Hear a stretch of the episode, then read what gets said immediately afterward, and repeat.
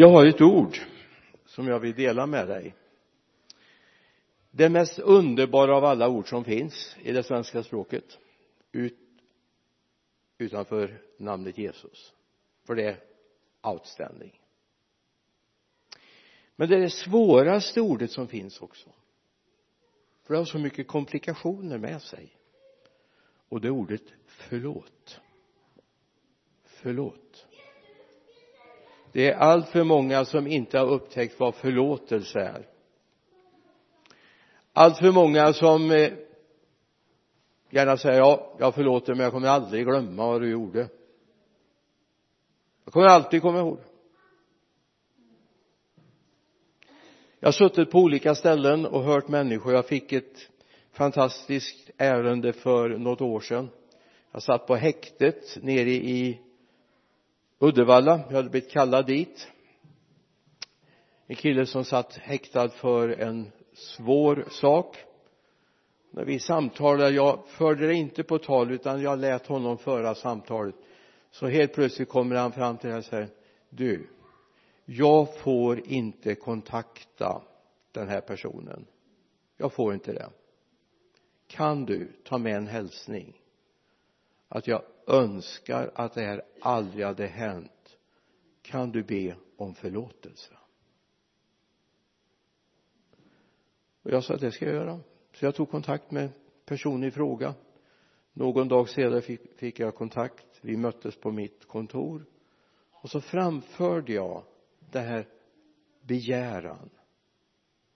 Jag önskar att det aldrig hade hänt. Kan du förlåta honom? Sen ska jag inte gå in på men det, det blev en underbar utveckling av det så småningom. Vi ska läsa ett bibelord ifrån Kolosserbrevets andra kapitel vers 13 och 14 ni var döda genom överträdelser och er oomskurna natur. Men också er har han gjort levande med Kristus han har förlåtit oss alla överträdelser och utplånat skuldebrevet som vittnar emot oss med sina krav. Det tog han bort genom att spika fast det på korset. De flesta människorna lever med en packning på sin rygg en ryggsäck som de inte kan ta av sig själva. Jag vet inte om du har läst Eh, John Burnens berömda bok Kristens resa. Gör det. En ganska spännande bok där eh, det här är skriven på 1600-talet i ett fängelse i England. Jag har tappat nu varför han satt i fängelse men han sitter där i fängelse och skriver i stort sett hela den här boken på toalettpapper. Det var vad han hade tillgång till han gör, beskriver en resa från staden undergång till himlen. Och på den här resan möter han ett antal guider som försöker leda honom. Det är velig det är hjälp det är utvandraren det är trogen det är domaren Hatman och det är hopp, hoppfull jätten skräck och ateist. För att bara räkna några av dem som han beskriver. Men utöver det möter han också en som heter evangelist. Och så beskriver han sin resa med den här kappsäcken tyngden på ryggen som håller på att knäcka honom. Ända till han kommer till korset. Där ramlar den av och trillar ut för stupet. Ja, läs boken själv. Den är väl värd att reflektera över. Och ibland känner vi Gud är det mig det skrivs om? Är det mitt liv som beskrivs? I psalm 38 läser vi den misslyckade kung David det finns en lyckad kung David men det finns en misslyckad kung David också. Det skriver han sig från vers 2 till och med vers 8 vers 19, vers 23 till 24 jag ska påminna dig. Herre straffa mig inte i din vrede. Tukta mig inte i din glöd. Dina pilar har träffat mig. Din hand har drabbat mig jag har inte he, eh, helt i min jag har inget helt i min kropp på grund av din vrede. Ingen frid i mina ben på grund av min synd. Min syndaskuld går mig över huvudet. Det tynger mig som en alltför tung börda. Mina sår stinker och rinner på grund av min dårskap jag går krokig och djupt böjd. Hela dagen går jag sörjande. Mina höfter är fulla av brand. Jag har inget helt i min kropp. Vers 19 jag bekänner min skuld. Jag sörjer över min synd. Vers 22 överge mig inte herre min Gud. Var inte långt ifrån mig skynda till min hjälp herre min frälsning. Jag tycker det här beskriver så enormt och du kan också ta med psalm 32 där han gör upp med den synden som han levde i. Jag vet inte om du kan identifiera dig med problematiken. Med den här problematiken att David i sin utvald, sitt, utvalda situation han som hade fått varit med och kämpa ner Goliat misslyckas. Vi behöver inte gå in på hans misslyckande det är oerhört grovt. Men i detta vänder han sig till Gud. Det blir för tungt. Psalm 32 min livssaft liksom förtorkades som av sommarhetta. Jag vet inte. Jag fick det här budskapet från Gud igår kväll. Vi hade haft vår bönesamling hemma i Vänersborg. Vi hade bland annat bett för att lotsens invigning här och bett för människor i den här stan och bett för Vänersborgarna. Så när jag gick upp till mitt rum så kom det här över mig. Förlåtelse. Det är ett svårt ord om du av hjärtat menar det nu är det så här att förlåtelse är jag menar det fanns mycket i Davids liv här som inte gick att reparera. Det fanns en frukt av hans synd. Det fanns en död person på grund av hans synd. Urias.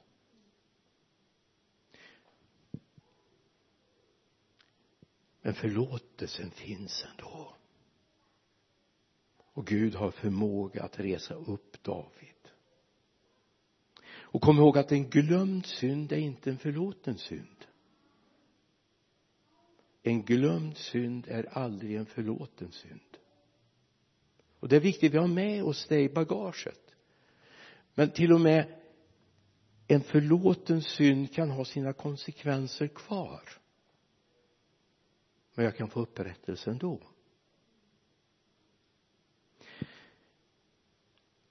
Vi precis som kristen i Bernians eh, bok vi möter också människor.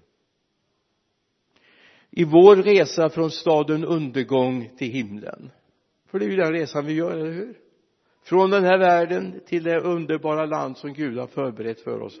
Jesus ber i Johannes 17 att vi ska få vara med honom. Jag vill far att de du har gett mig ska vara med mig så att de får se den härlighet som jag hade hos dig redan innan världens grund var lagd. Så det är Guds längtan. Hur vår resa än har sett ut så finns det en längtan hos Jesus att vi ska få komma hem. Men det finns ett ord som behövs. Det är förlåtelse i en församling jag känner för en hel del år sedan så möter jag en kvinna. Hon söker upp mig på mitt kontor. Hon har drabbats av någonting av det värsta sjukdom som människor kan drabbas av och det är bitterhet. Bitterheten har slagit rot i hennes liv. Och hon beskriver sin enorma bitterhet och vem den liksom går ut över en broder i Herren. Och nu ska jag berätta någonting som gjorde att jag nästan jag tänkte han har gjort något jätteallvarligt. Oj han har minst dödat någon så enorm var hennes bitterhet. Då handlade det om ett missförstånd om fem kronor. Och jag menar, det är ju inte så länge sedan. Det, det var ju inte en dagsinkomst. Det var inte ens en timinkomst. Det var kanske bara några minuters inkomst. Men fem kronor. Och när allt var till allt så hade hon missförstått alltihop. Tänk vad vi kan luras ibland av små saker och drabbas av bitterhet. Vi tror oss höra saker. Och då är det så viktigt att vi får leva i förlåtelse. Försoning att vi ser att människor faktiskt är ofullkomliga precis som vi är. Så de gör fel. Men vi älskar dem ändå. Eller hur? Jag menar våra barn har väl inte alltid gjort det som vi har önskat va? Eller har era det? Jag är säker på att ibland har ni varit besvikna och bekymrade. Men ni älskar dem ändå. Så är det med Gud också. Gud älskar oss tänk att jag tror till och med Gud älskade David när han begått synd. Petrus som förnekar. Där på översteprästens gård tre gånger innan tuppen gal. Man kunde tänka sig om vi tänkt mänskligt loppet hade varit kört för dig. Du har ingen chans. Ändå så har Gud reser upp honom genom Jesus Kristus till att bli en ledare i Guds församling. Och Jesus säger hälsa särskilt Petrus. Och tre gånger får han bekänna att han älskar honom. Förlåtelse. Är ett så viktigt ord. Och då är det två sidor. Det ena det är att ta emot Guds förlåtelse. I Johannes det första brevet vers 1 och 9 vers 1 eh, kapitel 1 vers 9 förlåt mig.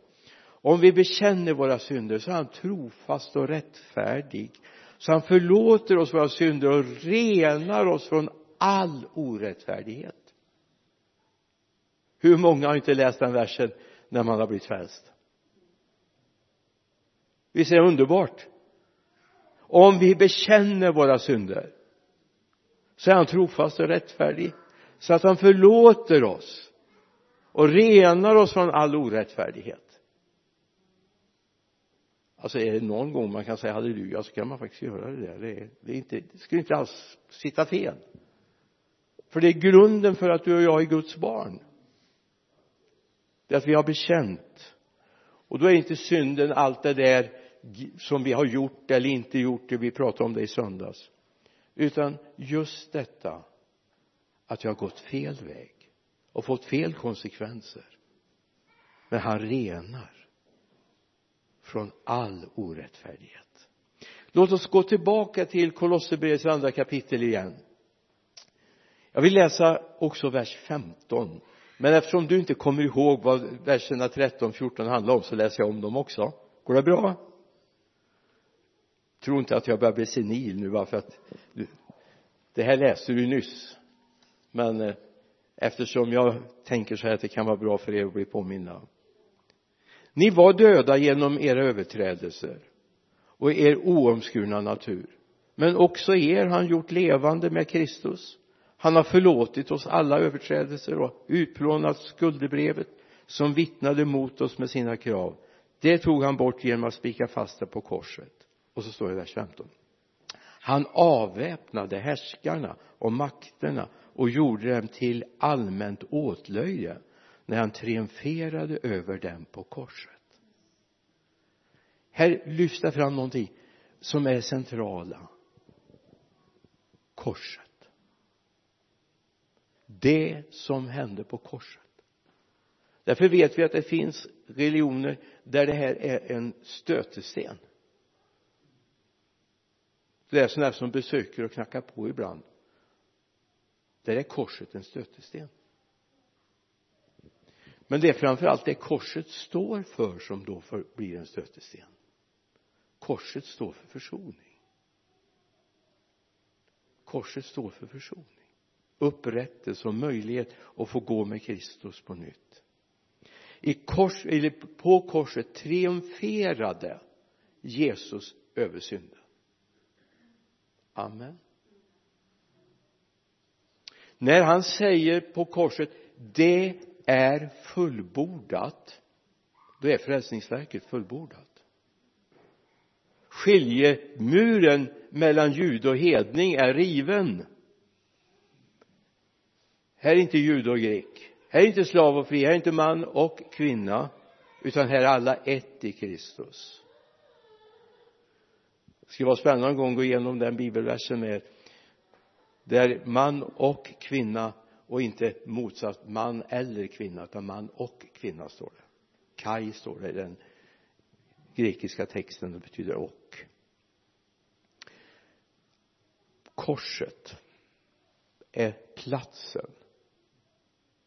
Korset är platsen där han försonade dig och mig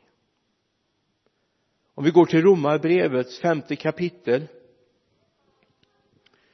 ska du få följa med mig in. Skriv ner den någonstans här. Romarbrevet 5, 6 till 8 för när tiden var inne medan vi ännu var maktlösa dog Kristus i det ogudaktiga ställe knappast vill någon dö ens för en rättfärdig. Jo kanske vågar någon dö för den som är god. Men Gud bevisade sin kärlek till oss genom att Kristus dog för oss medan vi ännu var syndare. Jag skulle kunna till och med lägga till så här medan vi ännu var födda dog han för oss han hade räknat ut det som hände i Edens lustgård. Fläckade ner hela skapelsen smutsade ner hela skapelsen smutsade ner vår tankevärld. Därför lät Gud sin son dö på korset. Abraham skulle offra Isak men han behövde inte det är en förebild. Men Gud undanhöll oss inte offret av sin egen son. För att du och jag skulle få frid. Genom hans sår är vi helade. Du vet att de dövas språk för Kristus är.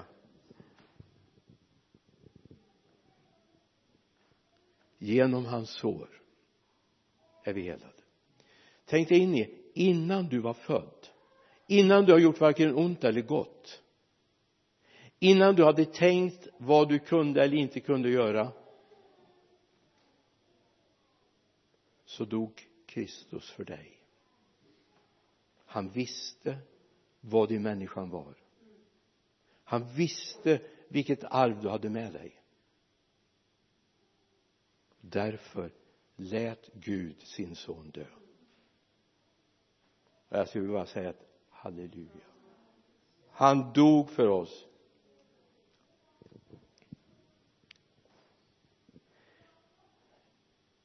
Det finns en berättelse i Matteus 22 vi kan titta från vers 4 som beskriver situationen du vet i himlen håller det på just nu och görs i ordning någonting. En fest. En bröllopsfest. Har du varit med och gjort i ordning för bröllop någon gång? Du har varit med om det? Och det är spännande att få göra ordning, duka borden få smycka. Någon lagar till maten, gör i ordning det de som ska medverka i vigselgudstjänsten förbereder sig för att spela, sjunga, vara vigselförrättare. Jag har fått förmånen att vara det ett antal gånger.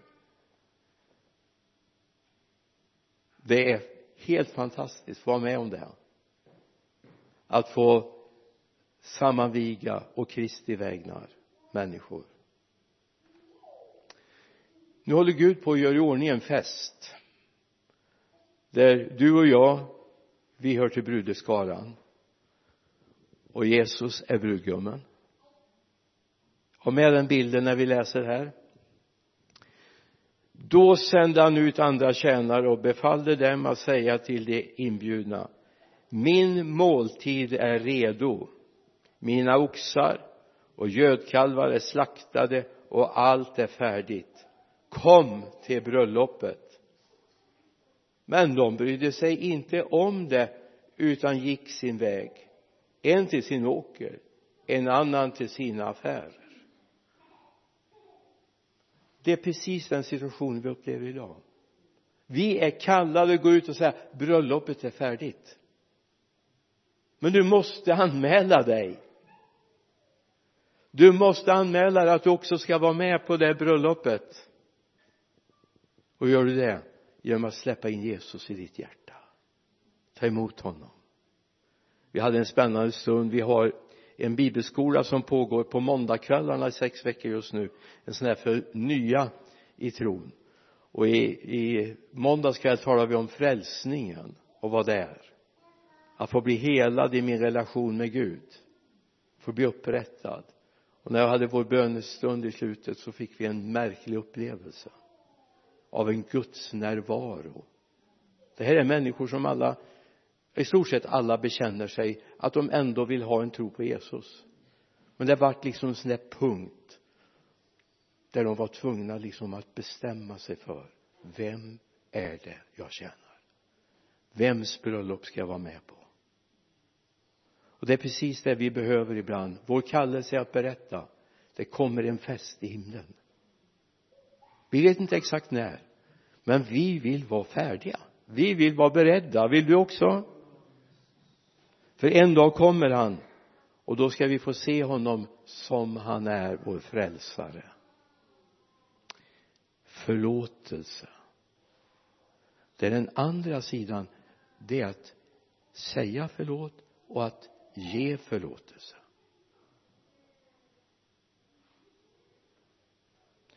Hur är det? Är det så att du gärna vill odla bitterheten? De trampar mig faktiskt på tån. Att det är oförlåtligt det de gjorde. Nej det är det inte. Det är inte oförlåtligt. Inte från Guds perspektiv. Det finns saker som är fruktansvärda som är hemska som drar ner. Visst som skadar oss jag fick ett sms idag jag ska inte gå in på det där en bad om ursäkt för att han hade spritt lögner om mig. Och det är väl underbart och jag kunde bara skriva jag förlåter dig. Det finns alltid människor som vill men det är så gott när Gud får komma och påpeka. Jag visste inte ens om det här. Och jag bara känner jag förlåter. Därför jag vet på vem jag tror och jag vet vem jag hör hemma hos. Jag vet var jag är trygg. Och jag vet också att vi har en avsvuren fiende. Men vi måste vara beredda att förlåta. Och då lärde mig min pappa en sak när jag var barn. Han lärde mig en sak och det är att om du kommer till någon och ska be om förlåtelse du har gjort något dumt. Om du då vet om att den du kommer till är beredd att ge förlåtelse då är det mycket enklare.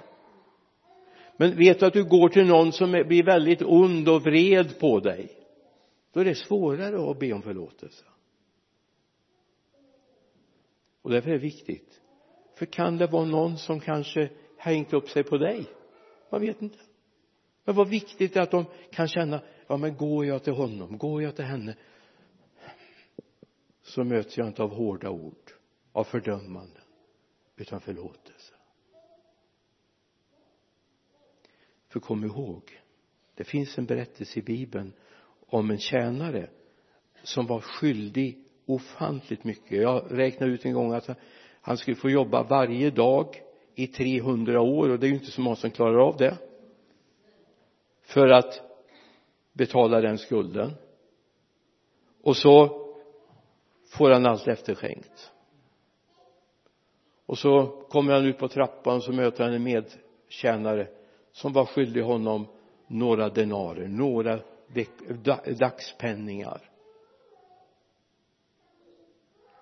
Och han är inte beredd att förlåta.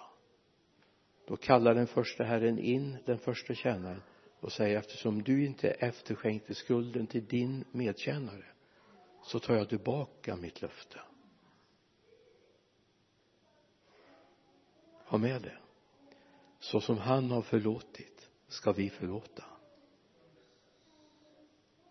Vi måste få komma in i en situation där vi är beredda att förlåta varandra. Det är inte så att vi accepterar det som har gjorts. Vi accepterar inte de skador som är åsamkade men vi är beredda att förlåta och se att vi är människor med brister och svagheter. Men vi måste få leva tillsammans och tjäna i den här tiden och tjäna vår mästare du vet han har gjort mycket mot oss eller för oss som vi har gjort mot honom så han förlät han oss ändå. Ja det var en liten hälsning om förlåtelse. Kom ihåg först och främst han har förlåtit dig. Han har förlåtit dig. Oavsett vad du har gjort så har han förlåtit dig. Ska vi be? Jesus. Tack för allt du har förlåtit mig därför att du utplånade min skuldebrev. Tack för att du sa att du har betalt det. Nu ber jag för oss här herre. Låt oss varenda en få se att du har förlåtit oss. Du har renat oss och du har fört oss in i din rättfärdighet. Prisat vare ditt namn du vet vår resa har varit olika. Vi har haft olika barlaster med oss genom livet. Men herre ett är det gemensamt och det är förlåtelsen och frälsningen. Men herre hjälp oss också att ha lätt för att förlåta de som på olika sätt gör saker mot oss. Jag ber dig i Jesu namn. Amen. Amen.